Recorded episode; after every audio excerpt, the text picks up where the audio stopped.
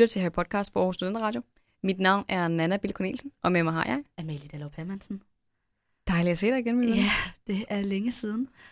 Der har gået tre uger. Ja, det er helt vildt. Hvis man øh, følger os ind på Facebook, så ved man, at det har handlet om, at jeg har været rigtig syg. Mega syg. ja, hvad har jeg ikke fejlet? Altså, man kan også måske stadig høre min stemme er en lille smule hæs, men øh, nu er jeg ved at være klar igen. Ja. Men øh, det har været en hård omgang. Jeg har haft en voldsom omgang, øh, både influenza og infektioner og øjenbetændelse og Mm, penicillin og hele svineriet har bihulebetændelse. Og jamen, jeg har været på, jeg har et helt apotek derhjemme efterhånden. Ja, Drugs. alt muligt. Ej, og du ved sådan, uden at gå for meget detaljer, kastede rigtig meget op. Der var en dag, der tror jeg, jeg var over 30 gange. Altså, jeg Oh følte mig lidt ligesom God. Ron med de der snegle. Jeg tænkte faktisk også på at lægge det der billede op Ja. som gif, og så tænkte jeg, det er måske lige øh, komisk nok. Jeg tænkte, Ja. det er nok lidt synd, hvis Ja. jeg lægger den der gif ved. Jamen, Så. det, øh, Men jeg tæt på. ja, Jeg tjekkede. jeg tænkte meget på ham. Fordi, også fordi, igen, uden at gå for meget detaljer, så var det meget slim, jeg kastede op. Du går ret meget i detaljer, dog, vil ja, jeg sige. ja, sorry. Men øhm, anyway, det, jeg har haft det ret skidt. Du har, været, du har haft det stramt, kan vi godt Det kan sige. vi godt sige. Og Ja.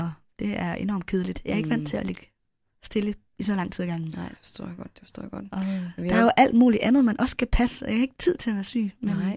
Jeg har også Ja. til dig sådan, "Nå, hvordan går det? Er du Ja. ja. frisk? Og, Nej.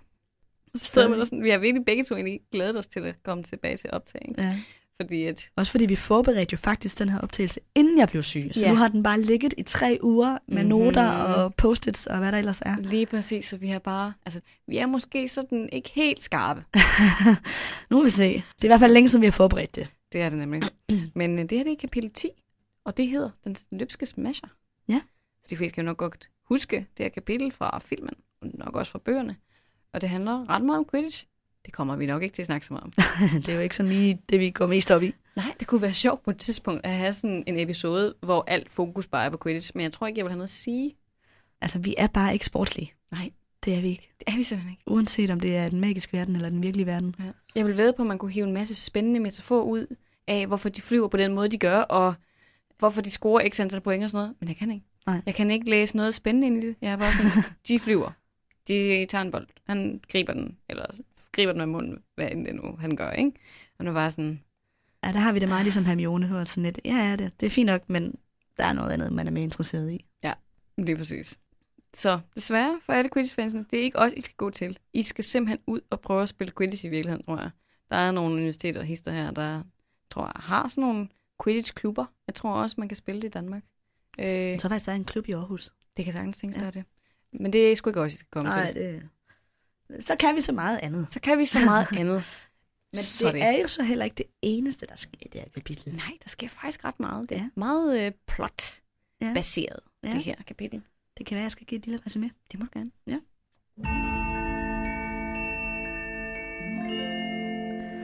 Yes, fordi før at de spiller Quidditch, så har de lige en time i forsvar mod mørkets kræfter hos Glitterik. og der snører Hermione Glitterik til at give en øh, underskrift på et papir, som øh, betyder, at trioen får adgang til det forbudte bibliotek. Mm. Ja, manden, han kigger jo ikke rigtig efter, hvad det er for en bog. Han, jeg tror faktisk ikke, han ved, hvad fanden det er. Det er heller ikke sikkert, at selvom han havde læst, hvad det var for en bog, at han ville tænke over det. Nej, Det tror jeg ikke. Jeg tror faktisk ikke, han giver en fuck. det gør han nok ikke. Men øh, de får i hvert fald fat i den her øh, bog, hvad nu den hedder, Super stærk elixir hedder den på dansk. Ja. Og den hedder et eller andet på engelsk. Kan Ja. ikke hvor at opskriften på pottejuice elixir er i. mm-hmm. som de jo så vil til at brygge. Og den er meget kompliceret, det kommer vi mere ind på. Og så er der Quidditch-kampen, hvor Harry han bliver forfulgt af en smasher, der er øh, kapitlets titel, Mm-hmm. og så ender han i hospitalsfløjen. Ja. Fordi at øh, han først brækker armen, og dernæst får fjernet alle knoglerne af glitter. Det er den mest komiske scene med den der slatne arm, der sådan hopper frem og tilbage, og så siger Glitterik så det der med det famøse, Nå jamen, i det mindste ikke brække længere. Ja. Nej, fordi der ikke er flere knogler i armen. Ja. Ja. Jeg fjernet dem alle sammen, din spade. Ja. Oh. Og så inde på hospitalsfløjen er der jo så et gensyn med Dobby, Mm. og øh, så kommer der endnu et offer Ja. fra basilisken ind på hospitalsfløjen. Det er nemlig det. Og det er jo så det første menneskeoffer. Det er det. Så der, der, der Der sker sker noget lidt. udvikling i det her kapitel. Ja. Men øh, lad os gå stille og roligt videre. Ja.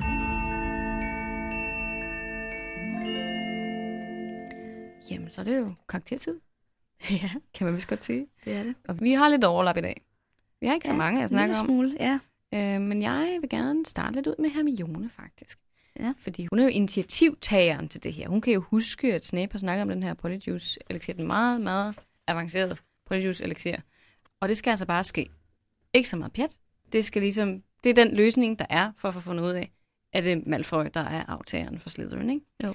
Og det kræver ret meget. Det kræver blandt andet, at de skal begå indbrud nede ved Snape.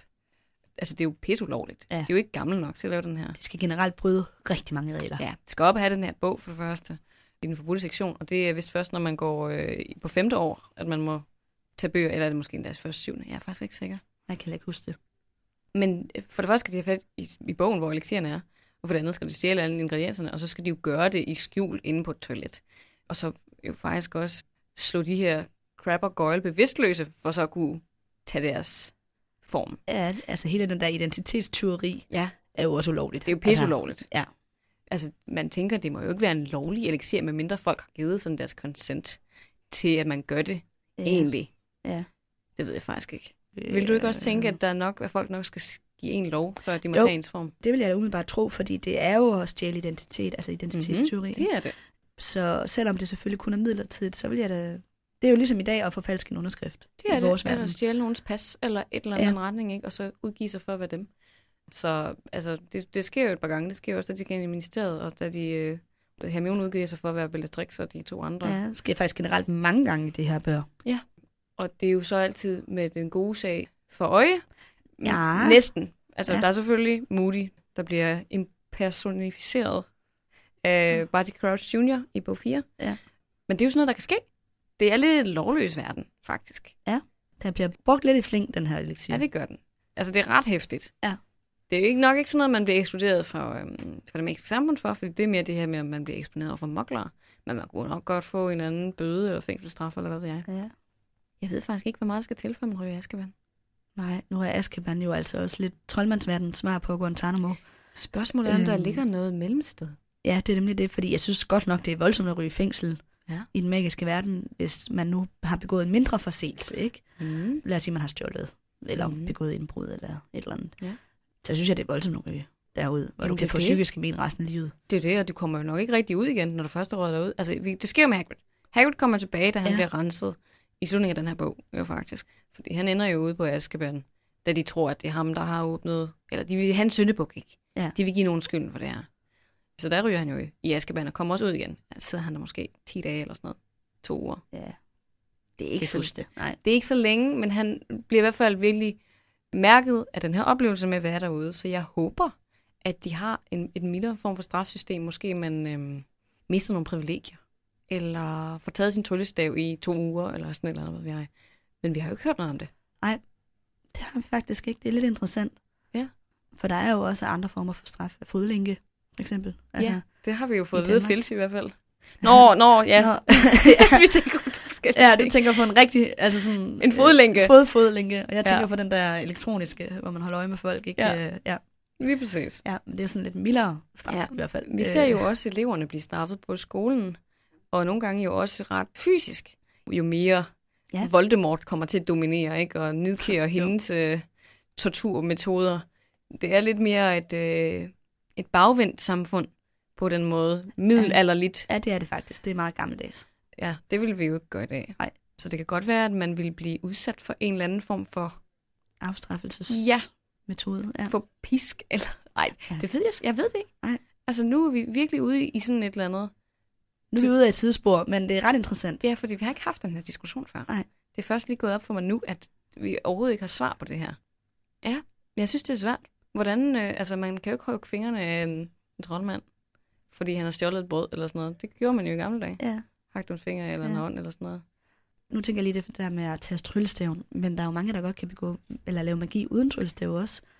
Ikke alle, men Jamen, jeg tror ikke, de kan lave de steder besværgelser. Jeg tror mere, det er sådan, du ved, øh, de der små ting. Få gnister ja. til fyge, eller sådan et eller andet. Den regn. Du ved for eksempel, øhm, der, da Harry han puster sin øh, tante op. Ja. Der bruger han ikke tryllestav, Nej. men han laver heller ikke en besværgelse. nej, det er jo Han bliver bare vred. Ja. Så du ved, det er mere- noget ukontrollerbar magi, men ja, jeg tror ikke, Bortset de, fra Dumbledore og Voldemort, de kan jo så. de kan godt. Ja. Og jeg ved, der også er nogle øh, troldmænd i Afrika, der ikke bruger så meget øh, tryllestav, fordi ja. at der lærer de det på en anden måde. Ja. Så det kan man godt, men jeg tror ikke, at britiske troldmænd Nej. bliver trænet overhovedet ud i Wandless Magic. Nej. Jeg tror, det vil være rigtig hårdt for en troldmand at blive frataget sin tryllestav i to uger, en måned. Man hører i hvert fald om på et tidspunkt, der hvor Lucius Malfoy den af Voldemort, at han føler jo, at han har mistet en arm nærmest. Altså, det Ja. ja. mistet noget af sig selv. I hvert fald bliver totalt demaskuliniseret. Ja, det er hårdt for ham. Kastreret. Kunne man også forestille sig. Det kommer an på, hvad for en symbolik man ligger i den tryllestav. Men ja, Jamen, det er nemlig lige præcis det, ikke? Det kan være, at I har nogle gode idéer, kære lyttere. Ja. Hvad der måske kunne være en mildere afstraffelse end Azkaban. Ja. Fordi det er lidt vildt. så skriv gerne. Skriv gerne, ja. Ja. Det var som sagt lidt tidsspor. Ja. Men tilbage til Hermione. Det, jeg synes, der er interessant ved alt det her, fordi hun er jo udmærket godt klar over, hvor mega ulovligt det er. Altså, hvad de andre, det er det der med at få bogen, og det der med at stjæle ingredienserne. Og Ron, han siger det også, åh oh, nej, der skal så meget arbejde i det, og uha, det er så farligt, og hun er sådan lidt, prøv høre, det her det er vigtigt, og du har ikke nogen bedre løsning. Nej. Vi bliver nødt til at gøre det her. Og jeg tror især, det er fordi, at det har ligget hende rigtig meget på sinde, hvilke konsekvenser det her har for hende og andre mokkelfødte. Altså, det er jo hende, der bliver ramt. Ja. Det er jo ikke ham. Det synes jeg var meget sigende, at vores regelrytter, Ja, de bytter virkelig roller der, ikke? Altså Ron, der normalt ikke går op i regler, og Hermione, Ja. der virkelig gør, de bytter lige ven. men, om. men det er du ved, det, der, det betyder virkelig meget for hende, fordi det er hendes liv, der faktisk er på spil her. Ja. Og det ser vi jo også. Hun bliver jo også forstenet senere i bogen. Ja. Gudskelov for hende er hun så klog, at hun ikke Dør af det. Ja, fordi hun render rundt med sig spejl, men det kunne da sagtens være sket. Ja. Så øh, altså, der er jo en reel far. Men det tror jeg rigtig nok, det der med, at hun har faktisk noget i klemme på en anden måde, end Harry og Ron har. Ja.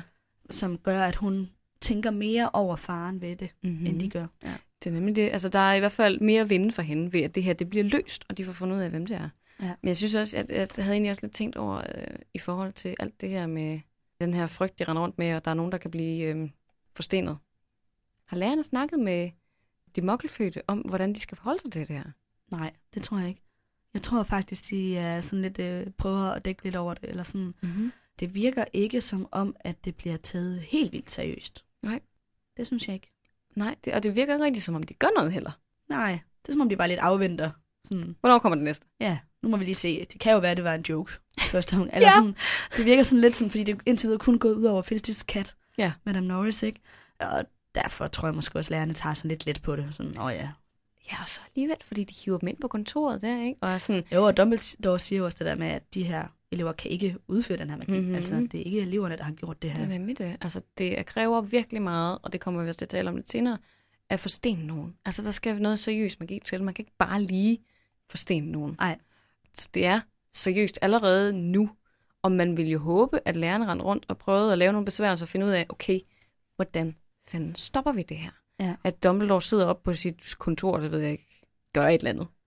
Håber vi på. Ja. Jeg ved det ikke. Nej. Altså, jeg tror desværre, du har ret i, at de bare sidder sådan lidt på den lade side og sådan, Nå ja, lige nu, der er det bare en kat. Lad de der. Ja. Så er det fint. Lidt eller i femmeren, hvor Ministeriet for Magi også prøver at dække over de ting, de godt ved foregår, men som Ja. ikke rigtig vil indse det. Ja. Det jo det. Altså, øhm, vi kommer også til at tale lidt senere om Colin Creevy. Ja. Fordi han bliver jo forstenet. Og apropos tror jeg så ligesom også, at det er øh, startskud til en ændring hos lærerne. Lige præcis. At det går ud over en elev, faktisk. Ja. Og det er jo der, de begynder lige så stille og roligt at frygte, at okay, skolen skal måske faktisk lukke. Ja. Fordi vi har det her monster, eller hvad fanden det er, Ja. der er et eller andet sted inde i slottet, og vi kan, vi kan ikke finde det. Ja. Og man tænker, hvordan fanden kan de ikke finde det? Ja. Altså, Archeobasilisk, Ja, det er de det er ikke klogeste. sikkert, at den reagerer på det. Nej, det er jo de klogeste mennesker overhovedet i, i Storbritannien, vil man da formode. Ja. Dumbledore er jo Ja. omnipotent. Hvordan har han ikke lært sig selv slangevisken? Det tror jeg ikke er noget, du kan lære. Det tror jeg er en evne. Ron gør det jo faktisk. Ja, okay, det er rigtigt. Han lærer lige sådan få ord. Det er det. Ja. Ja. Men hvis få ord, ord er det, der skal til for åben kamera. Jeg ved godt, de ved ikke, det er en kæmpe stor slange. Nej. Men man må jo prøve nogle ting. Ja, af. ja, det er rigtigt nok. Gør sig forsøg. Altså manden, han har jo fundet, hvad de 12 anvendelsesmuligheder for drageblod. Han må sgu da også kunne en lille smule slangesprog. ja. Tænker du ikke det? Jeg tænker i hvert fald, at han ville godt kunne finde ud af at lære det måske lige et par ord, hvis det var, at han vidste, det var en slange, men han ved nok bare ikke rigtigt, Nej. hvad det er for et Det er dyr. selvfølgelig også, hvilken metode det er, man skal gå til ting med, ikke? Jo. Og det er jo rigtigt, hvis man ikke ved, hvad det er, men han må have nogle idéer. Men ligesom i etteren, hvor vi snakkede om, at Dumbledore også bare ligesom lader tingene ske, Ja. fordi han synes, altså han vil se, hvordan Harry klarer det, og allerede nu opdrager han ligesom også Harry til at skulle tage de her konflikter med Voldemort, havde han sagt, altså Ja. ja. de her øh, kampe. Og det er måske lidt det samme indtil nu, Mm. fordi Dumbledore ikke altså ser... Så længe det ikke går ud over et menneske, så tror jeg, at Dumbledore er lidt mere sådan... Altså udover Harry, ikke? Ja, ud over Harry, men altså... Hold den venner. Altså, der sker en ændring i slutningen af det her kapitel. Ja, Ja, det er ja. tydeligt. Det er rigtigt. Indtil nu tror jeg bare, han har været sådan lidt... Ah, lad os nu lige Jamen, slå det- koldt vand i blodet. Ja, men det er rigtigt nok. Jeg synes bare, at det er vildt, altså når man sådan lige tænker over den her situation, ikke? Lad det lige sådan bundfalde sig. Der er et monster på skolen, som gerne vil dræbe eleverne. Det er jo sindssygt. Ja. Altså, det er jo meget, det er jo meget vildere, end hvad der faktisk sker i nogle af de andre bøger, egentlig. Ja, det er det. Det er vildere end i bog 3, og Ja, ja. det er også vildere end... Altså, i bog En- 4 er det kun, fordi Voldemort vil slå Harry ihjel. Ja, det er jo ikke resten. Nej. Nej, Det er ret voldsomt, og så reaktionen er ret sådan... relaxed. Ja, Ja. det, det, Det er der er lidt mismatch i hvert fald. Ja. Det havde jeg også overvejet lidt. Og så tænkte jeg også i forhold til Hermione, at øhm, hun er et perfekt eksempel på, hvordan kærlighed kan gøre blind, også i det her kapitel. Fordi hun bliver ved med at forsvare Glitterik. Ja. Uanset hvad, så altså, hun, det er ligegyldigt, hvad det er, han gør, og hvad det er, han siger, og om han står og vrøvler og fucker det op og får Harry til at spille varvel, hvor jeg ved ikke hvad. Hun bliver ved med at forsvare ham. Også i forhold til den der skide bog. ja. Altså, det er så sjovt. Hun har endnu ikke indset, at han er en dårlig lærer. Nej, Nej. Og det er bare utroligt, Ja. hvordan det kan tage så lang tid for hende, fordi jeg havde tænkt, haha, det er meget sjovt, det er ligesom Molly Weasley, hun har jo også den der skolepige forelskelse, men det er skal altså virkelig meget til, før det går op for Hermione, han er en skidt kal. Ja. Jeg tænker lidt, om han lægger en besværgelse over de der teenagepiger. Gud, det havde jeg ikke lige tænkt over. Det ved jeg ikke. Altså sådan en Ja, forblændelsesbesværgelse ja, eller sådan sådan et eller noget. andet. Det kunne han jo godt finde på, altså. Ja, ja. Det er jo ikke noget, vi hører noget om. Men jo, Det altså, er bare voldsomt. Hun er så klog. Hun Ja. er så klog, og hun kan bare ikke se nogen af hans fejl. hører vi om, at der er nogle af drengene, der er lidt vild med ham. Det synes jeg ikke. Nej. Det kunne godt være sådan en, som Colin Creevy også havde, var noget starstruckness måske. Ja, Men nej, det gør vi ikke. nej. Altså Molly er det, og Det er bare fordi, jeg tænker, hvis han nu har en eller anden form for parfume på, sådan noget kærlighedsparfume, elixir-agtigt noget, så vil man jo også tro, at det skulle virke på drengene. Det kan jo være, at det kun er rettet mod kvinder. Man kan vel godt, øh, altså du ved, med nogle de rette feromoner og sådan noget, kan det jo godt være targetet mod et specifikt køn, Ja. forestiller Ja, mig. ja. Altså det er magi, ikke? Han kunne godt finde på det i hvert fald. Han kunne virkelig sikkert. godt finde på det, og det kunne måske fortælle noget om, hvorfor hun er så øh, fatsvag. Ja, meget forblændet i hvert fald. Det er rigtigt. Og det igen, at hun, hun, er så, hun er så logisk og så realistisk i forhold til, hvordan de skal håndtere det her. Og bare overhovedet ikke i forhold Og til men det. gør det hende også bare meget menneskelig. Det gør at hun det. også kan for, blive forblændet af nogen. Og det har vi andre jo også prøvet. Jeg har Ja. da også prøvet forelsket i nogen, hvor jeg, hvor jeg bagefter har tænkt, hvad i al verden Ja. gik der dog af dig? Ja. Hvad fanden skete der lige der? Ja. Ja. Det giver ikke altid mening, vel? Nej. Men han er så også bare, er han ikke et sted, er han sted i 20'erne måske? Ah, jeg tror, der er i 30'erne. Det er jeg sgu ikke sikker på. Uanset hvad, han for gammel til Hermione. Ja, vi har jo talt om ham tidligere. Ja, jeg kan seriøst ikke huske, hvor gammel han er. Nej. Anyway, så synes jeg, vi skal gå videre til Dobby. Mm. Og det er jo så en, vi begge to har tænkt lidt over i den her kapitel. Fordi han, øh, han kommer ind på hospitalsfløjen, og han giver Harry nogle svar på, altså for eksempel han finder ud af det der med, hvorfor kom vi ikke ind på perronen der i starten af skoleåret. Og, Mm-hmm. men han åbner så også for nogle nye spørgsmål. Mm-hmm. Fordi han finder ud af, at Dobby er bagmanden bag nogle af de ting, der er gået galt for ham. Men Dobby fortæller jo så også, at det her med, at kammeret er virkelig blevet åbnet. Ja. Og at, øh, at der er faktisk noget at være bange for. Det er ikke bare en fantasi, Dobby har. Eller sådan, Mhm. Man fornemmer, at det er ægte, det her. Det er ligesom, da det går op for os. Okay, holy fuck, vi har faktisk et problem. Der er et problem. Ja. Og han forklarer så også, at det er ham, der har forhekset den der smasher, Mm-hmm. mm. for at, at gøre Harry så skadet, at han bliver sendt hjem til familien Lige Dursley. præcis. Og det er så også der, hvor man tænker, der skal noget seriøst til, før man bliver sendt hjem. Ja. Fordi vi har jo set alle mulige forskellige former for sår og så videre blive helet meget let. Så det er jo ikke nok, han skulle jo altså være smadret til ukendeligt. Han skulle jo nærmest. Kranjebrud eller sådan Ja, noget. ja, ja. Altså inde på St. Mungus, ikke? Ligesom Neville's forældre, før der ville ske et eller andet seriøst. Han skulle Men det var jo også der, han ville blive sendt ind. Altså Dobby gennemtænker overhovedet ikke den der plan, fordi de skader, han forvolder Harry, og de, altså det der med for eksempel også at barrikere øh, indgangen til perronen, Mm-hmm. altså det er jo ikke noget, der holder Harry væk fra Hogwarts. Det er meget kort sigt. Meget kortsigtede løsninger, Dobby har. Mm-hmm. Ja. Men jeg tror heller ikke, altså nu har han jo boet sammen med Malfoy-familien altid, men han ved jo ikke særlig meget om troldmands magi. Og ja, hvis han ikke ved, hvordan det fungerer med sårheling og sådan noget, så kan det jo godt tænke sig, at han tænker, at det her det må være nok. Hvis jeg bare brækker hans arm nok gange, ja. eller giver ham kraniebrud eller et eller andet, så kan det tænkes, at det er fint. Men alt kan jo heles, Ja. ja. med mindre det faktisk er sådan forbandelser. Og hvis det, desværre. så er det, så vil han jo netop komme ind på St. Mungus. Lige præcis. Så han vil jo ikke blive sådan, altså, så vil han selvfølgelig også komme væk fra Hogwarts, kan man så sige. det er rigtigt. Det er jo rigtigt nok. Altså, det er jo sådan set lige meget, om han kommer hjem Ja. til Dursley eller St. Mungus. Ja. Altså hans bedste håb havde nok været at skræmme Harry så meget, at han selv venter til hjem, ikke? Jo, men det kommer han ikke til at lykkes med. Nej, det gør han ikke. Der skal meget til. Altså det, øh, det, han har valgt den forkerte target i hvert fald. Så skulle han have gjort sådan noget med at tro Harry med, at hvis han ikke tager hjem, så vil han gøre noget ved Hermione for eksempel, eller Ja, Ron. Altså sådan, så skal det være noget, der går ud over nogle andre, Mm-hmm. hvis det skulle, han skulle have lykkes med sin øh, plan. Ja, det tror jeg også, at øh, hvis du ikke gør det, så sker der X til, mod, mod de, dine bedste venner. Ja. Så gør jeg noget ved dem, sårer Ja. dem, eller ja. kaster dem ud fra et højt bjerg eller sådan noget. Ja, ja. Der skulle ske sådan et eller andet. Lige præcis. Ja. Det tror jeg faktisk også er mest realistisk. Men lige i forhold til den der smasher, som Dobby så Mm-hmm. og hekser, så kunne jeg ikke lade være med at tænke på, om, den, om der er noget symbolik over den mm. der Mhm. smasher der. Det der med, at man bliver forfulgt af nogen. Og jeg kom sådan til at tænke på det der, øh, den der sætning, sådan en ulykke kommer sjældent alene. Mm-hmm. Fordi så sker der jo det, at han brænger armen, og Glitterik ødelægger sig armen endnu mere, og han kommer på hospitalsfløjen, hvor der Mhm. så kommer et nyt offer ind. Altså, der sker en række af flere ulykker Mhm. mm-hmm. efter den der smasher. Ja.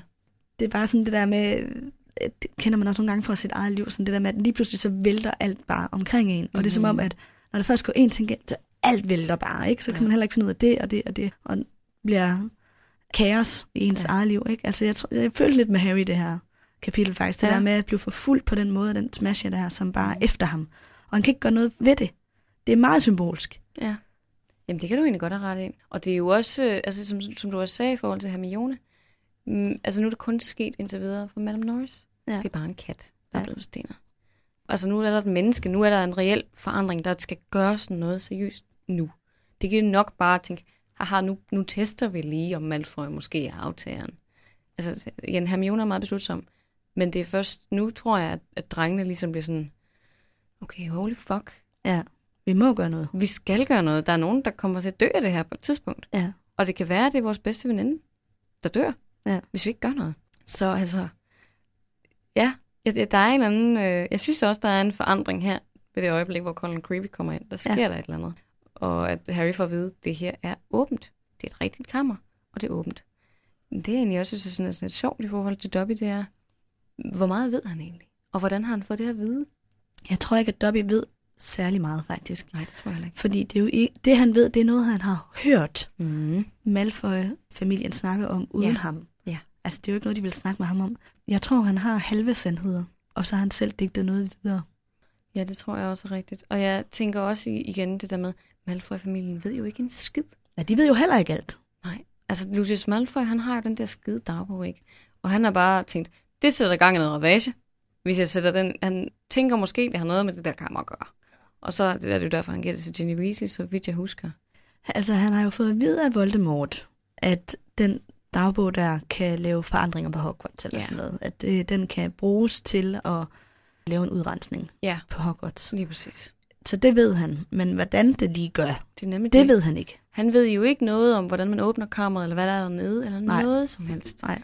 Og han ved nok heller ikke engang, at det er den, der har noget med kammeret at gøre. Nej, lige altså sådan forbinde de to ting. Lige præcis. Og han aner jo ikke, at det er Voldemorts sjæl, der er inde i den Nej, heller. det ved han slet ikke. Så det jo derfor, Voldemort bliver så fucking gal Ja. på ham. Fordi han er jo praktisk ellers smidt hans sjæl væk. Ja, men så må han lige informere ham lidt bedre. Ja. Så kan man lade være med at holde sin hemmelighed så tæt til kroppen. Ja. Kan man sige. Men det, det synes jeg nemlig også er meget sjovt, at fordi at han har ligesom hørt bidder af den her information om det her kammer, og så har han besluttet sig for, jeg skal redde Harry Potter. Harry Potter, han har gjort en masse godt for husalfer. Øh, måske ikke lige mig, fordi min situation er stadigvæk lort. Men det skal jeg gøre. Ja. Fordi han kan ikke ændre på sin egen situation, så kan han i mindste gøre noget for nogle andre. Ja, ja. Meget altruistisk. Ja. Motiveret, ja. Dobby. Så har jeg lige lidt til Dumbledore, jeg godt kunne tænke mig at snakke om. Mm-hmm. Fordi han øh, kommer jo så også ind på hospitalsfløjen. Og det, vi, vi har snakket om før, at det er egentlig ikke så meget, man møder Dumbledore de første par bøger her. Nej, han holder så desværre. meget ude af billedet. Jeg elsker Dumbledore. Ja. Jeg får altid bare sådan en, en glæde indeni, når han er med i Ja. kapitel, uanset hvad det egentlig er, det handler om. Og man så siger, at jeg kan godt lide citronmål eller sådan noget. Ja. Citronformage. Ja, ja, ja. Nå, men han kommer igen, ind i det her kapitel, og han konkluderer jo så også, ligesom Dobby, at kammeret er blevet åbnet igen, Mm-hmm. fordi at øh, Colin Creevy nu er blevet forstenet. Ja. Og øhm, noget af det, som er lidt interessant, det synes jeg lige, vi skal læse, det er, at han er meget interesseret i at forhindre på et langsigtet plan, Mm-hmm. at der kommer flere ofre. Ja. Modsat Fields i sidste kapitel, som havde en meget kortsigtet plan om bare for, altså sådan straffet nogen. Ja. Lidt lige meget, hvem det var. Altså fordi McGonagall, hun er sådan, jamen, hvem kan det være? Og sådan, åh oh, nej. Mhm. Og hvor at Albus han så siger, spørgsmålet ikke hvem, sagde Dumbledore, mens han så på Colin. Spørgsmålet er, hvordan. Og det Ja. er nemlig, altså, det kan man lægge rigtig meget i den her sætning, ikke? Mm-hmm. Det er ikke hvem, det er hvordan, fordi det tænker jeg også lige sådan lidt mere bredere i forhold til kriminalitet. Hvis vi skal stoppe kriminalitet og dermed ofre, så mm-hmm. bliver Mhm. vi også nødt til at... En ting er at identificere, hvem der er kriminelle, Mm-hmm. men det hjælper jo ikke på, at man ikke får nye kriminelle. Nej. Så vi skal, altså det er hele den der resocialiseringstankegang og anti-præ-kriminalitetstankegang, mm-hmm. at man skal, Hvordan hvordan skal vi modvirke, det, det her det Ja. fortsætter. før det går galt? Lige præcis. Eller når det er gået galt, hvordan får vi så folk ud af det igen? Ja, men man kan sige lige den her specifikke situation, så er det jo også meget det her med, det er godt at vide, hvem det er, der har gjort det. Fordi så ved vi, hvad løsningen er. ja Fordi det mener McGonagall jo. Men det er jo også den måde, man... Fordi han, hvis, han, hvis han lægger to to sammen, han var der jo, da Morning Myrtle blev myrdet. Han ved, okay, det her det er et væsen, der godt kan myrde folk. Og det er jo ikke, fordi hun havde nogen sår på kroppen, eller noget som helst. Hvis de havde spurgt hende, så har hun måske sagt det der med de gule øjne. Ja. Det ved vi jo ikke, om, de har, om hun har fortalt. Det håber jeg. Hvis vi siger, at han har den information, at han ved, at der var nogle gule øjne, og hun døde, da hun kiggede på dem. Og han ved, det er noget, der kan forsten ting. Ja. Det er to ret vigtige informationer. Ja. Og jeg vil, der er jo ikke mange ting i den her verden, der kan forsten noget. Nej, det er jo en ret sjælden ting. Så det burde egentlig være relativt let at lægge to og to sammen. Ja. Jeg forstår ikke, hvordan det kan være så svært ikke at tænke sig til en basilisk. ja, nej, det er jeg enig i. Altså, det er i hvert fald, hvis du ved, det er en basilisk, så ved du også, hvordan du skulle slå den ihjel. Hvordan du skulle stoppe den. Måske endda, hvordan du kommer ned i kammeret. Ja. Det er jo sådan, vores hovedpersoner kommer der ned. Ja. Men jo, du har fuldstændig ret i sætningen, men jeg tænker bare... Men jeg tror også, det handler om, at Dumbledore ved jo, at det her det er sket før. Ja. Derfor så er han heller ikke så interesseret i, hvem det er, der gør det den her gang. Han er mere Nej. interesseret i at stoppe det, så det aldrig nogensinde er sker rigtigt. igen. Og du tænker mere på, hvem det er, der har åbnet kammeret. Ja. Ja, det er rigtigt. Det tror jeg egentlig heller ikke, han er så interesseret i. Nej, Fordi han ved måske også godt, det er sgu nok en eller anden som Voldemort. har, har et eller andet med at gøre. Ja, Men hvem det er, det er han mindre interesseret i. Han Ja. er mere interesseret i, hvordan, så man Mm. sikrer, at det aldrig sker igen. For det er jo sket mange gange i historien. Jeg tror ikke, det er sket, at folk rent faktisk er blevet myrdet, men det er sket, at kammeret blev åbnet. Jeg tror også, der er nogen, der er blevet myrdet før. Tror du det? Ja, det tror jeg. Jeg mindes at huske, at da jeg læste det der øhm, om Gorn-familien sidste uge, ja. Ja. om, øh, om det hemmelighedens kammer, at der stod der, at der var ikke nogen, der havde troet på dem, helt op indtil at Morning Myrtle blev myrdet, for der havde aldrig været noget bevis. Det mindes jeg, der stod Okay, derinde. men det kan godt være. Det skal jeg ikke kunne sige. Vi ved bare, at det er blevet åbnet flere gange. Det er blevet åbnet for Ja. ja. det stod der også derinde. Men anyway, det er bare uh, interessant, at McGonagall og Harry, de fatter ikke, hvad Dumbledore mener med det mm. der, Mhm. sådan, det er hvordan, der er det interessante. Så det, Ja. det synes jeg bare var meget uh, Signe. sigende, og det var meget interessant i forhold mm. til hele vores debat omkring, hvordan vi gør med kriminalitet. Ja, det er rigtigt, ja. det er rigtigt. Altså, det er også interessant, hvordan det ligesom former de to karakterfilter. Dumbledore, som du siger, at filteren er så kortsigtet. Ja. Og det, det er ham, det er gået ud over i den her specifikke situation, så derfor er jeg også meget forståeligt, han har en vis sorg i forhold til Madame Norris. Og at Dumbledore, som jo så er meget ældre, og ligesom godt kan se det lange sigtede perspektiv, og det er ligesom den tilgang, han har til alt Ja. i hele den her bogserie. Og det er jo det, han sætter Harry op for allerede nu. Ja. Bruger syv år på at groom ham til at kunne modstå Voldemort. Og start, starter jo faktisk med det allerede. Det øjeblik, han efterlader ham på dørtrinnet. Ja. Fordi han er sådan, at det, er den bedste måde at sikre, at du bliver sådan, som jeg vil have dig. Du bliver hærdet. Lige præcis. Ja. Så det siger rigtig meget om Dumbledore. Det er rigtigt. Ja, men så kan det være, at vi skal gå videre til den magiske verden. Yes.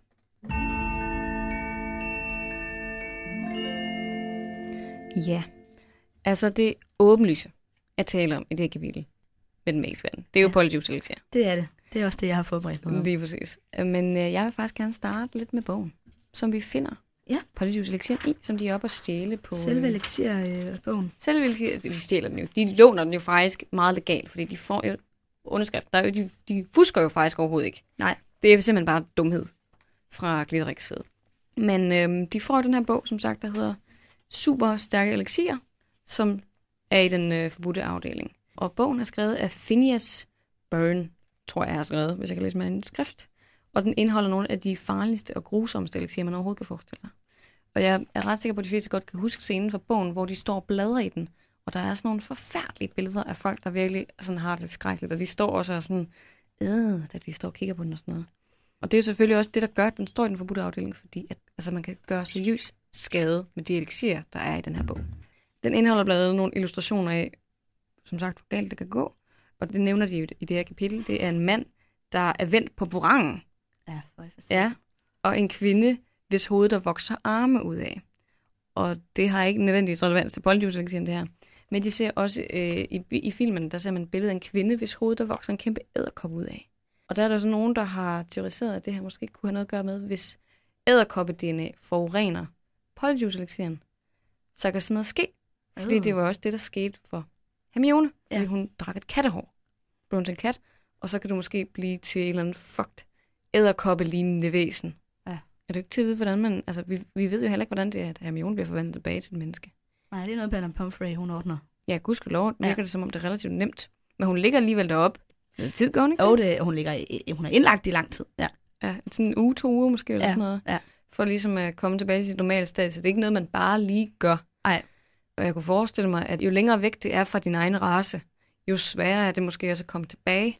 Ja, man kunne forestille sig, at altså en kat ligner jo immer væk mere et menneske end en æderkop. Det er nemlig det. Ja. At hvis man spiser en fiske-DNA eller sådan et eller andet, Ja.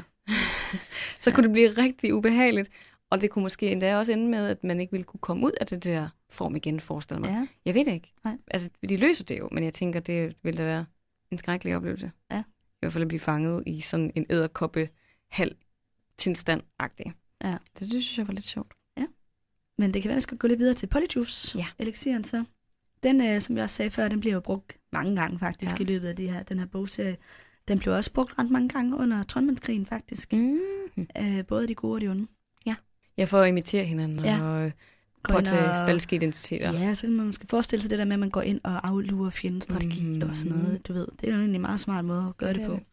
Så den får ret stor betydning. Mm-hmm. Det, der er ret vigtigt i forhold til den her Polyjuice elixir, det er, at den, man forvandler sig til, skal være i live. Ja, Når ja man tager det var DNA'et. også en information, jeg øh, fandt ud af. Og det ved vi, fordi at øh, Buddy Crunch Jr., Ja. han jo holder Alastair Moody i live i bog 4. Han ligger nede i bunden af den der kiste. Præcis. Og det, ja, han kan ikke bare slå ham ihjel. Jeg tænker også, der må være en eller anden øh, grænse for, altså fordi man kan jo godt plukke noget hår, mens mm. en person er i live, og så slå personen ihjel. Ja. Men det kan godt være, at det der hår, det bliver for gammelt i forhold til at kunne blive ved med at bruge det. Måske. Jeg tænker, det er derfor, at han holder ham i live i hvert fald. Mm. For ellers Mhm. kunne han jo bare klippet hans hår af, mens han er i live, og så slå ham ihjel. Det er rigtigt. Så, Ja. så ja, det må, der, der må være en sådan begrænsning på, hvor længe det kan holde sig. Det er rigtigt, men det er heller ikke til at vide, hvor lang tid han tænkte, at han skulle være Alastair Moody. Kan være, han tænker, hvis jeg nu Ja. måske kun klipper en lille lok af, så er det ikke sikkert, at jeg kan bibeholde den Nej. form længe nok. Altså, hvor meget og ofte skal han drikke den. Fordi ting er jo også med Polyjuice. Den, som Hermione laver, var kun en time. Ja. Måske ikke knapper op. Men de kan holde op til altså et halvt døgn. Ja, det kan holde fra, alt fra 10 minutter til 12 timer, læste jeg. Lige præcis. Alt efter, hvor god øh, elixiren er lavet. Og jeg Ja. gætter på, at Barty Crouch Jr., at hans kunne holde 12 timer. Ja, Så han ikke behøvede at gå og drikke af den hele tiden, ikke? Jo, altså man kan sige meget om ham, men jeg tror egentlig, han er en dygtig troldmand. Ja, det tror jeg også. Altså det er ham, de lærer nærmest mest af. Ja. Af de lærer, de har Ja, i udover. Lupin, ikke? Jo. Så må ikke, han godt kan finde ud af at lave en ret god polyjuice elixir. Det tror jeg faktisk også godt. Og det er noget, der også er sjovt, som jeg også nævnte i forhold til det der med at man kan ikke krydse på tværs af raser. Nej. Du kan godt gøre det med køn og alder, så de kan sagtens blive til Dumbledore. Ja. Ligesom alle, som vi ser i det er bog 7, at de alle sammen bliver til Harry Potter. Så kan de også sagtens skifte til at blive Dumbledore, hvis, de, Ja. hvis de nu havde noget af hans hår. Jeg havde egentlig også overvejet, apropos det der med, om man var levende, om man kunne tage noget af den døde Dumbledores hår ned i graven. Men det kan man jo så nok ikke. Nej, det kan man ikke. Det er dumt. Det ville være meget fikst. Ja. Gå rundt, og imitere en død person. Ja, men også ret creepy. Man kunne virkelig fuck noget shit op. Ja, og for sevan. Det Didn't kunne you gerne. die? Ja. Quite a long time ago. Ja, ja, ja. Så det er ret sjovt. Men den er jo abnormt avanceret, den Ja. her elixir. Der er rigtig mange ingredienser, Mhm. mm. og der er også noget med sådan, hvor lang tid hvad skal Ja, simre, og nogle ingredienser skal samles på bestemte tidspunkter i døgnet. Det er og... nemlig det. Altså, jeg har Ja. faktisk endda skrevet ned, hvordan man skal gøre. Ja. Hvis, øh, hvis der er nogen, der er interesseret i at vide, hvordan man laver en polyjuice. Den er jo delt op i to dele. Jeg skal nok prøve at gøre det forholdsvis hurtigt, ikke? Men første del, der skal man bruge spyfluer, marhalm, ranunkel og iler. Og det hedder det der, det der marhalm og ranunkel, det hedder så flocksweet og nutgrass på engelsk. Ja. Der er noget, oversættelserne er ikke sådan helt til Nej. de rigtige ting på dansk, tror jeg. Nej. Og så i den anden del, der skal man så bruge pulveriseret tvehjørningehorn.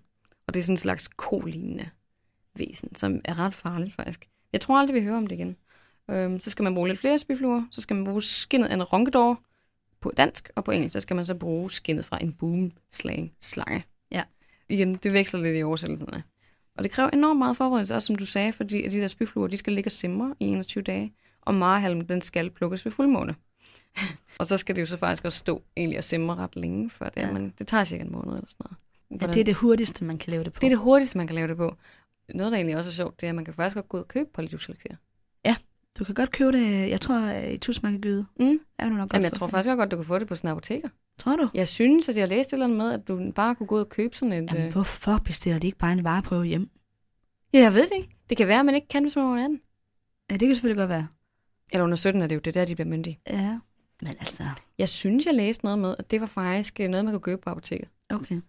Så tænker jeg, kunne man ikke finde en eller anden måde at få fat i det på? Forfalske Molly Weasleys underskrift, og så bede om en polyjuice. Ja, eller sende Dobby afsted efter det. Eller... Ja. Altså, der er der mange muligheder. Jamen, det er der jo. Altså, jeg vil i hvert fald... Overtale Glitterik. Ja, han kan sgu ikke finde ud af det. Når du mener med underskrifter sådan. Ja. ja, det kunne man selvfølgelig også godt. Jeg synes i hvert fald, jeg læste det. Kan også være, at jeg tager mega meget fejl, men det Nå, synes jeg, jeg du, læste. det, der ringer også en klokke hos mig, nu du siger det. Ja, ikke? så jeg tror, det er rigtigt nok. Mm. Ja. Ja, det synes det er man bare sådan lidt, hvorfor ikke bare postordre bestille for en uge til at levere det der skidt? Ja. Ja. Men ja, never mind, det gør de ikke. De gør det altså for reals. Ja. Og elixiren er, øh, den er ikke elendig. Den holder en time, sådan cirkus. Ja. Så hun gør det ret godt. Ja. Hermione, i forhold til, hvor avanceret magi det her er, ikke? Jo. Og så bliver det jo til Crab og Goyle, som efter sin skulle smage af overkogt kål og linbussemænd. Ja, apropos, så både smag og konsistens ændrer sig jo alt efter, Det er nemlig hvad det. for en person man ændrer sig til. Lige præcis, og det vi får også Ja. vide i forhold til Bellatrix, at hun, øh, hun smager af Gertie root, som skulle være Ja. sådan en sygt klam rødfrugt, eller sådan et eller andet, som de får noget te af Nå. hjemme hos øh, Ja, det er Luna. rigtigt. Det er rigtigt. Ja, og hun sådan, skal ikke have noget, eller det er jo så hendes far, der laver det der Gertie root te, ikke? Ja. Men de synes, det smager af helvedes til. Ja. Så det er meget sjovt, og Harry får jo at vide, at han smager godt, og hans drik er gylden. Og ja. The chosen one. Hvor hun ikke også de lyver lidt, fordi i hvert fald i filmen, der står de jo også sådan, øh, øh, da de får den der... Ja, men det er ikke også meget sådan med, at de er sådan lidt, nå, lad mig lige kigge, nå, det, der er ingen tatovering Ja, her. apropos, det er en ret sjov scene, fordi Harry han er sådan lidt, okay, I står bare og er totalt ublufærdige mm. med Mhm. min krop, Ja, og klæder om foran hinanden ja. og alle, og sådan, og der er måske nogle ting, I ikke behøver at se. ja lige, præcis, ja. lige præcis. Og det er jo sjovt, ikke? Fordi det er sådan den eneste gang, at der er øh, consent i forhold til Polyjuice. Ja, og så alligevel ikke, fordi han får plukket det, uden at han... Ja, ja, ja, ja. Han er med i... han i ved valget. godt, det foregår. Han og bliver ikke han... slået bevidstløs. Nej, det er rigtigt.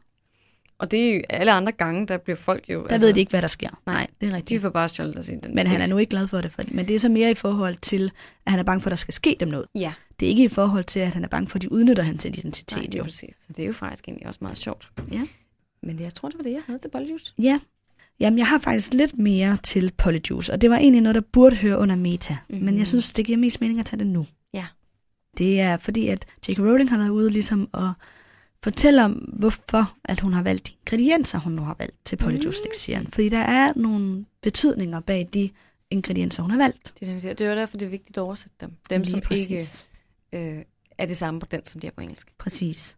Der er nok også noget latin indover, men også øh, de engelske betydninger. Men i hvert fald de der lacewing flies, ja. Som så er spyfluer på dansk. Mhm. Det betyder, at to identiteter bindes sammen. Ja. Så er der øh, ilerne, de suger essensen ud af dig, Mm-hmm. mm. og kommer jo så ind i en anden, kan man sige. Så det giver jo ret god mening. De. Så er der det der øh, tvehjørningehorn, som så er horn of a bicon, skal symbolisere ideen om dualitet. Mm-hmm. Og øh, det der nutcrass, det er noget med, at man er not, altså knyttet Mm-hmm. mm. til en anden. Og fluxweed er kroppens evne til at mutere. Mm-hmm. Og boomslang skin, det er sådan der slange, det er jo også altså det der med at skifte ham. Ja. Altså det var bare, at hun har tænkt ret meget over, hvad de der ingredienser de Ja. skulle være, som kunne symbolisere den der spaltning, eller ja, påtagelsen af den nye identitet. Ja. Ja, Jamen, det, er, det er jo også igen, jeg tror, det er den absolut vigtigste elixir, der overhovedet er i den her bogserie. ja for Ud- handlingen. Ja, Ja. udover måske lige Vitaserum, som så alligevel kun kommer på en anden plads. Ja. Fordi den her, den bliver brugt så ofte, som Ja. den gør. Enig. Den er enormt vigtig. Altså, det er jo på Så er Skeleto Fix også ret vigtigt for, at Harry han får sin arm igen. Det er korrekt. Det er Ja. korrekt. Og det ved vi ikke, hvordan man laver. Og der er også en elixir i bog 3, som jeg synes er ret vigtig. Ja, Det er den Lupus af Snape, som holder ham ude af sin varulveskikkelse. Men det ved vi ikke, hvad for en, gør vi vel? Jeg ved ikke, om vi får navnet på den, men den Mm. er jo ret stor betydning for ham, kan man sige. Og at han kan være til Ja. det job. Der er også sandhedsserum, som Snape tror med en del gange. Jamen, det er der Veritaserum. Nå, ja. Nå, jeg, Jeg du tænker på, flydende held? Ja, det var det, jeg tænkte Ah. på. Nå, undskyld. Ja, Veritaserum, det er den der med, med Det er sidstandheden. rigtigt, det er rigtigt. Og, ved, og den der held, hvad nu den hedder? Jeg kan ikke huske. Liquid Luck. Ja, det er nemlig det, de Øh, kalder det, men ja. jeg kan ikke huske, hvad det hedder på... Nej. Der er også Armomentia. Nå ja, kærlighedselixirerne. Ja. ja. den får også betydning. Det gør det nemlig. Ja, der er faktisk flere vigtige. Men, men Polyjuice er den absolut vigtigste. 100 procent. Den er på niveau med uh, Expecto Patronum. Den er øh, meget vigtig Mm-hmm. for seriens handling. Det er den sgu. Men lad os gå videre til frileg. Yes.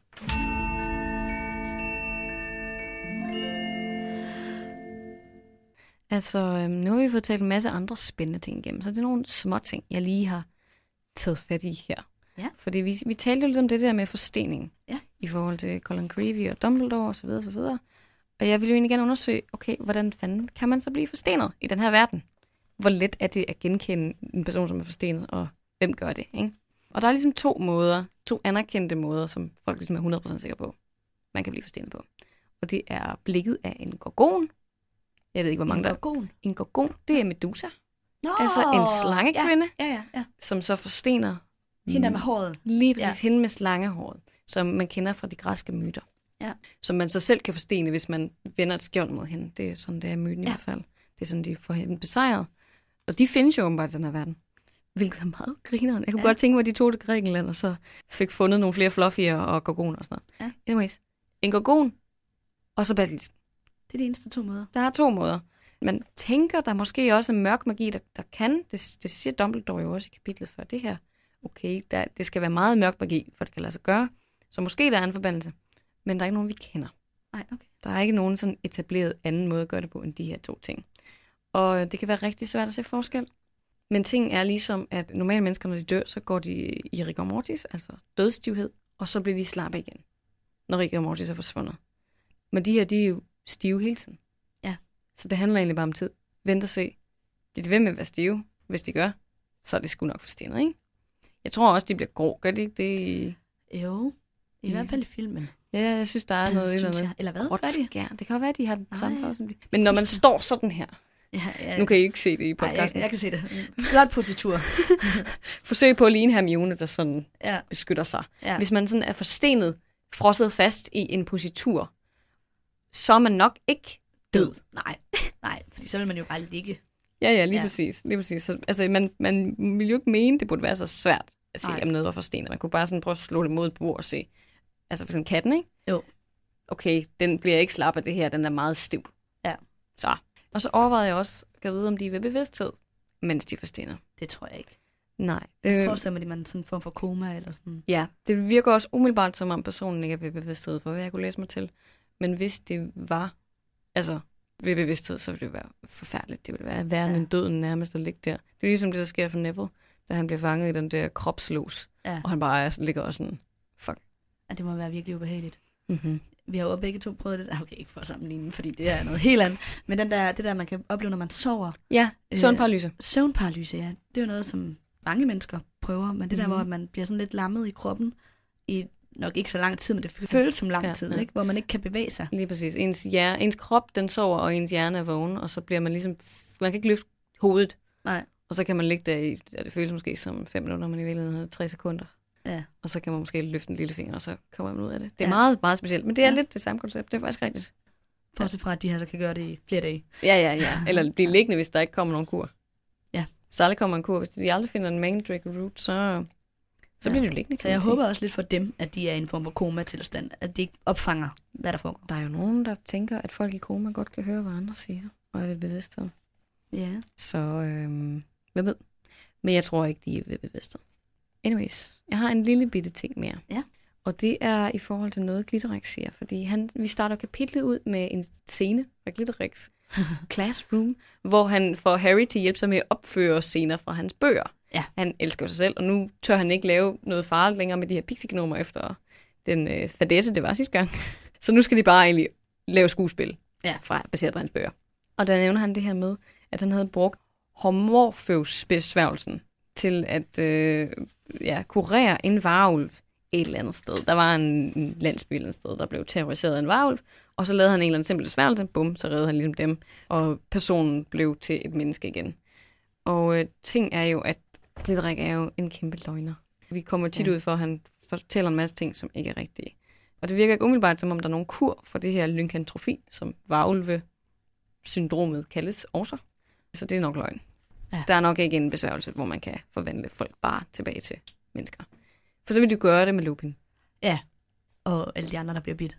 Ja, vi møder dem bare ikke. Ej, Nej. vi møder selvfølgelig Greyback, eller hvad han Ja, gråulv. Ja. øhm, og så bliver Bill jo sådan set også bit. Det gør han. Altså, så ville det være meget nemt at fix. Ja, det er nok noget, Glitterik har Jeg tror, det er noget fusk. fusket. Ja, Ja. det tænker jeg også. Mm. Mm. Jamen, til frileg i dag, der har jeg en lille fanteori. Mhm. Det, jeg synes, det var længe siden, vi har haft. Det er det sgu også. Og så fandt jeg en, der relaterer sig til bog 2. Mm. Og den handler om, at det i virkeligheden var en fejl, at Lucius gav Ginny dagbogen. Nå, Det var slet ikke Ginny, han ville have givet den. Det var Harry. Okay. Og det er der ligesom sådan nogle øh, indikatorer på, at det er en fejl. Mm.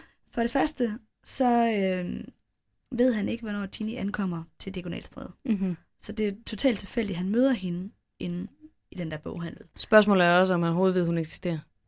Det tror jeg ikke, han gør. Nej, jeg tror ikke. Jeg tror ikke, han giver en fuck for, hvor mange viselbørn der er. Nej, han ved bare, der er mange. Ja. Han, altså, nej, det, det tror jeg ikke, han ved noget om.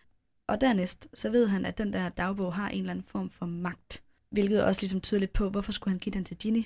Ja. Altså, det der onde magt vil han jo nok hellere Mm. lade gå ud over Harry. ja. Noget, der sådan kan kontrollere nogen, ja, hjernevaske i en eller anden udstrækning. Og grunden til, at han ved, hvornår Harry ankommer til det Mhm. mm-hmm. sted for resten, fordi det er sådan lidt, nå ja, okay, han ved ikke, hvornår Ginny kommer, men hvordan ved man, når Harry kommer? Mm-hmm. Men det har Harry jo skrevet i øh, de der breve, som Dobby læser. Nå, Der er han aftalt det med Hermione. Så det ved Dobby. Ja. Mm-hmm. Og spørgsmålet er, om Malfoy måske enten selv læser de breve, eller får det tvunget ud af Dobby. Det er rigtigt. Det kan man diskutere. Men jeg Ja. ja. synes, den rigtige grund, eller den, den grund, til, der er til, jeg tror mest på den her teori, Mhm. mm-hmm. det er, at Dobby er meget, meget bekymret for Harry. Mm-hmm. Han er ikke bekymret for nogen andre. Nej. Det er kun Harry, han er bekymret for. Også selvom, at det er øh, mokler, som hemmelighedens kammer ligesom skal gå ud over. Mm-hmm. Og det kunne jo tyde på, at Lucius Malfoy har snakket om, hvordan kan jeg få ram på Harry. Åh, oh, ja. Fordi hvorfor ellers være så bekymret for Harry? Det er rigtigt. Og han er bekymret for Harry, inden det her overhovedet sker.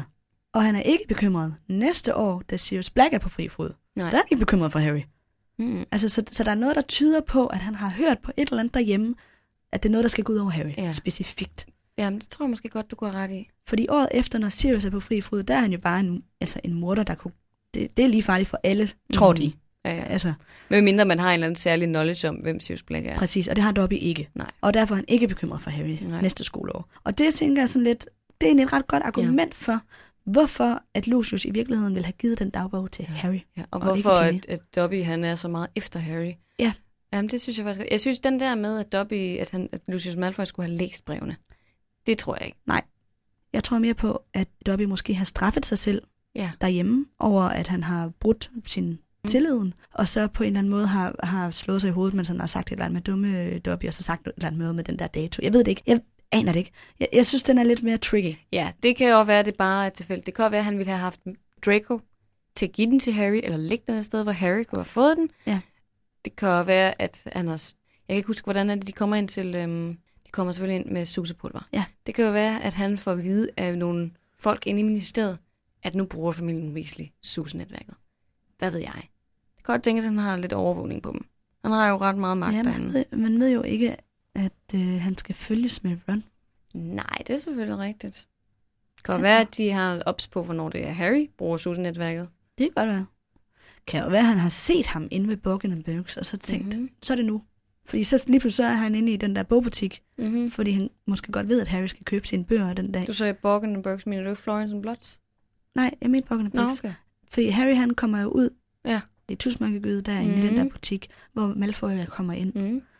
Og det, det kan jo godt være, Harry han tror jo ikke, han bliver set, men det kunne jo godt være, at Draco eller Lucius ser ham, Ja. og derefter beslutter sig for, så kan vi gå ind i Florida Butts og give Harry dagbogen. Det kan selvfølgelig Men så kommer der hele det her, øh, du ved, kaos med mm. Arthur og Weasley, og de kommer op og slås og sådan noget, og så kan det ikke lade sig gøre rigtigt. Mhm. Og give ham den dagbog, og så giver han den til Ginny. Det kan godt tænkes. Jeg vil sige, jeg, jeg tror, det er en tilfældighed, jeg skal være helt ærlig, at han kommer derind den samme dag, og havde måske forsøgt at give den til Harry på en anden måde. Måske sendt den med posten. Hvad ved jeg? Ja. Der kunne være så mange andre måder. Men jeg tror, du har ret i, at han gerne vil give den til Harry. Det virker også mere logisk. Hvordan det så lige skulle foregå, Ja. det ved jeg ikke. Nej. Det, igen, det kan godt tænkes, at Draco skulle have efterladt den et eller andet sted. Og skrevet til Harry Potter Ja. ja. på den, hvad ved jeg, sådan noget. Og så ender Men det er rigtigt, han kunne bare sende den med posten, Ja, ja. da han var kommet på Hogwarts. Harry, Harry, er jo ikke særlig klog. Han åbner jo alt. Og altså- undersøger alt. Altså han Ja, ja. ser vi også i bog 6 med, med den der elixirbog. Så det vil han jo nok godt kunne have lykkes med. Mm-hmm. Vi ser jo også Harrys fuldstændig ukritiske tilgang til den dagbog, da han så selv finder den senere Ja. i den her bog. Ikke? Det er nemlig det. Så øh, Og også i forhold til, at han får tilsendt øh, kost, og jeg ved ikke alt hvad af Sirius Black, og han, han tænker overhovedet ikke over det. Han er bare sådan, "Nå, men der er nok bare nogen, der er søde. Ja. Og det er måske, det, det, jeg tror, han ville være lidt nem i forhold til sådan noget her. Ja. Så. Og det er måske også en af grundene til, at Voldemort bliver så gal på Lucius. At mm. Han bare sådan lidt tilfældigt giver den til Ginny. Ja, Altså det er sådan lidt... Ah, der var vis med mange måder, man kunne have løst den situation lidt bedre. Altså Ja. sådan set fra Voldemorts perspektiv, mm. ikke? Altså, ja. Tror du, du Voldemort gerne ville have haft den givet til Harry? ja, det tror jeg. Spørgsmålet er, at han kunne ikke få ham overbevist i øh, bog 1. Nej, Spørgsmålet er, om han ville kunne gøre det nu. det tror jeg. Han, Harry bliver jo overbevist af Voldemort om, at Hagrid er øh, den onde. Og bliver han det sted overbevist? Ja. Det er, det mener jeg, jeg kan huske Ja, okay. i den her bog. Og han, han får en stor sympati. Der går også lang tid, fra han kommer ned, eller han bliver overrasket, da han kommer ned i kammeret og Mhm. mm. ser Romeo Det er stå dernede, fordi han ikke forbinder ham med noget som helst ondt. Øh, Men jeg mener mere, om han ville kunne kontrollere ham på den måde, som Romeo gør med Ginny. Det ved jeg ikke, om han ville lykkes med. Romeo siger også til Harry, at den jeg i virkeligheden er interesseret i at kende er dig, eller ja. altså at dræbe er dig. Ja. Og jeg kan ikke lade være med at tænke, at, at han også er interesseret i nogle informationer, der kan forklare. Det siger mm-hmm. han jo også, jeg vil gerne vide, hvorfor at verdens største troldmand kunne forsvinde. Mm-hmm. Hvad, hvad det er ved dig. Og det vil han, Hvad gør dig særlig? ja, og det vil han jo gerne vide af flere grunde. Både Mhm. mm. fordi han vil vende tilbage, Mm-hmm. og derfor kan beskytte sig mod det anden gang, mm-hmm. men selvfølgelig også af nysgerrighed. det er jo intriguing, ikke? Hvem er det, der er min lige mand? Ja. Hvordan kunne du gøre det her? Du er en baby. Ja. Jeg tror, Voldemort havde ønsket, at den var blevet givet til Harry. Ja, Og jeg tror også, det var Lucius' originale plan. Og Ja, så okay. Laver han en hurtig Mm. beslutning. Jeg synes, det er nogle fair nok argumenter. Det. Ja, der, jeg jeg Ja. køber nogle af dem. Ja. Og jeg synes også, det lyder meget realistisk. Så er vi ved at være ved vejs ende i dag. Ja, det er det godt nok. Her øh, på torsdag har vi ikke den 1. marts på torsdag. Jo, der udkommer der et lille ekstra afsnit, Mm. jubilæumsafsnit, Ja. hvor vi snakker lidt om ja, året, der gik. Tag lige en føler på, hvordan, øh, Hvad har vi lært, og hvad er der sket, og ja, hvordan har vi haft det med det hele. Kommer lidt omkring. Så øh, det er sådan en lille bonusafsnit, som I kan høre, hvis I har lyst. Og øh, der snakker vi jo ja, om lidt forskelligt, og fremtidsplaner og mm. sådan noget. Og tanker om podcasten. Sådan et meta-afsnit, kan vi godt kalde det. Lige præcis. Og ellers så kommer vi jo tilbage igen på et tidspunkt. Nu er jeg jo blevet rask, så øh, Det er jo det. nu går der forhåbentlig ikke lige så lang tid igen. Nej, altså næste, næste gang, vi skal optage, så bliver det jo øhm, for vores live show i Silkeborg. Nej, det er rigtigt. Det bliver det. Men det bliver også en minisode. Ja, den lægger vi også ud bagefter, hvis Lige man nu ikke har mulighed for at komme til Silkeborg. Det regner vi ikke med, de fleste har. Nej.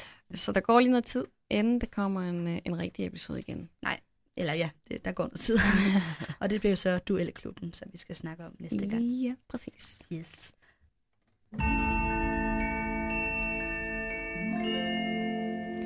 Ja. Jeg har nemlig et citat i dag, og øh, vi plejer jo at have dem til sidst i kapitlet, men det har jeg ikke valgt i dag.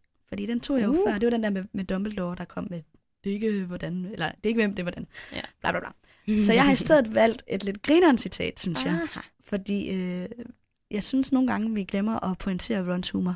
Ron er så sjov. Han er så grineren, og jeg synes, han kommer med rigtig mange gode one-liners. Han ville være blevet en stand-up-komiker i, øh, Ja. i muglerverdenen. Det vil han. Helt sikkert. Og jeg har valgt et citat fra, øh, da de ligesom beslutter sig for, at de skal have brygget den her Elixir. Mm-hmm. Og Hermione har jo været helt op at køre. Og så læser de højt. Da Hermione var gået i forvejen for at se, om de kunne slippe usete bort fra pigetoilettet, viskede Ron til Harry, det vil nu være en helt del lettere, hvis du bare kunne vippe Malfoy i kosten i morgen. Ej, det var et godt citat. Ja. Det var det for i dag. Det var det for det, Emilie. Og som altid, hvis I har lyst, må I gerne gå ind og subscribe og Ja, ja. øhm, Giv nogle stjerner, Giv stjerner ind på- skrive en anmeldelse. ja, ind på iTunes, Og- eller den podcast, app man nu bruger. Lige præcis. Og vi vil også gerne have beskeder inde på Facebook, eller spørgsmål, eller hvad det nu er. Ja. Hvad end I sidder inde med. Apropos har vi jo øh, det der live show, du fortalte om før på den 6. marts til en tirsdag. Mm-hmm. Så hvis man nu har et lytterspørgsmål, man godt kunne tænke sig, at vi øh, tog op, så skriv endelig. Lige præcis. Godt, jamen øh, tak for i dag. Tak for det. thank you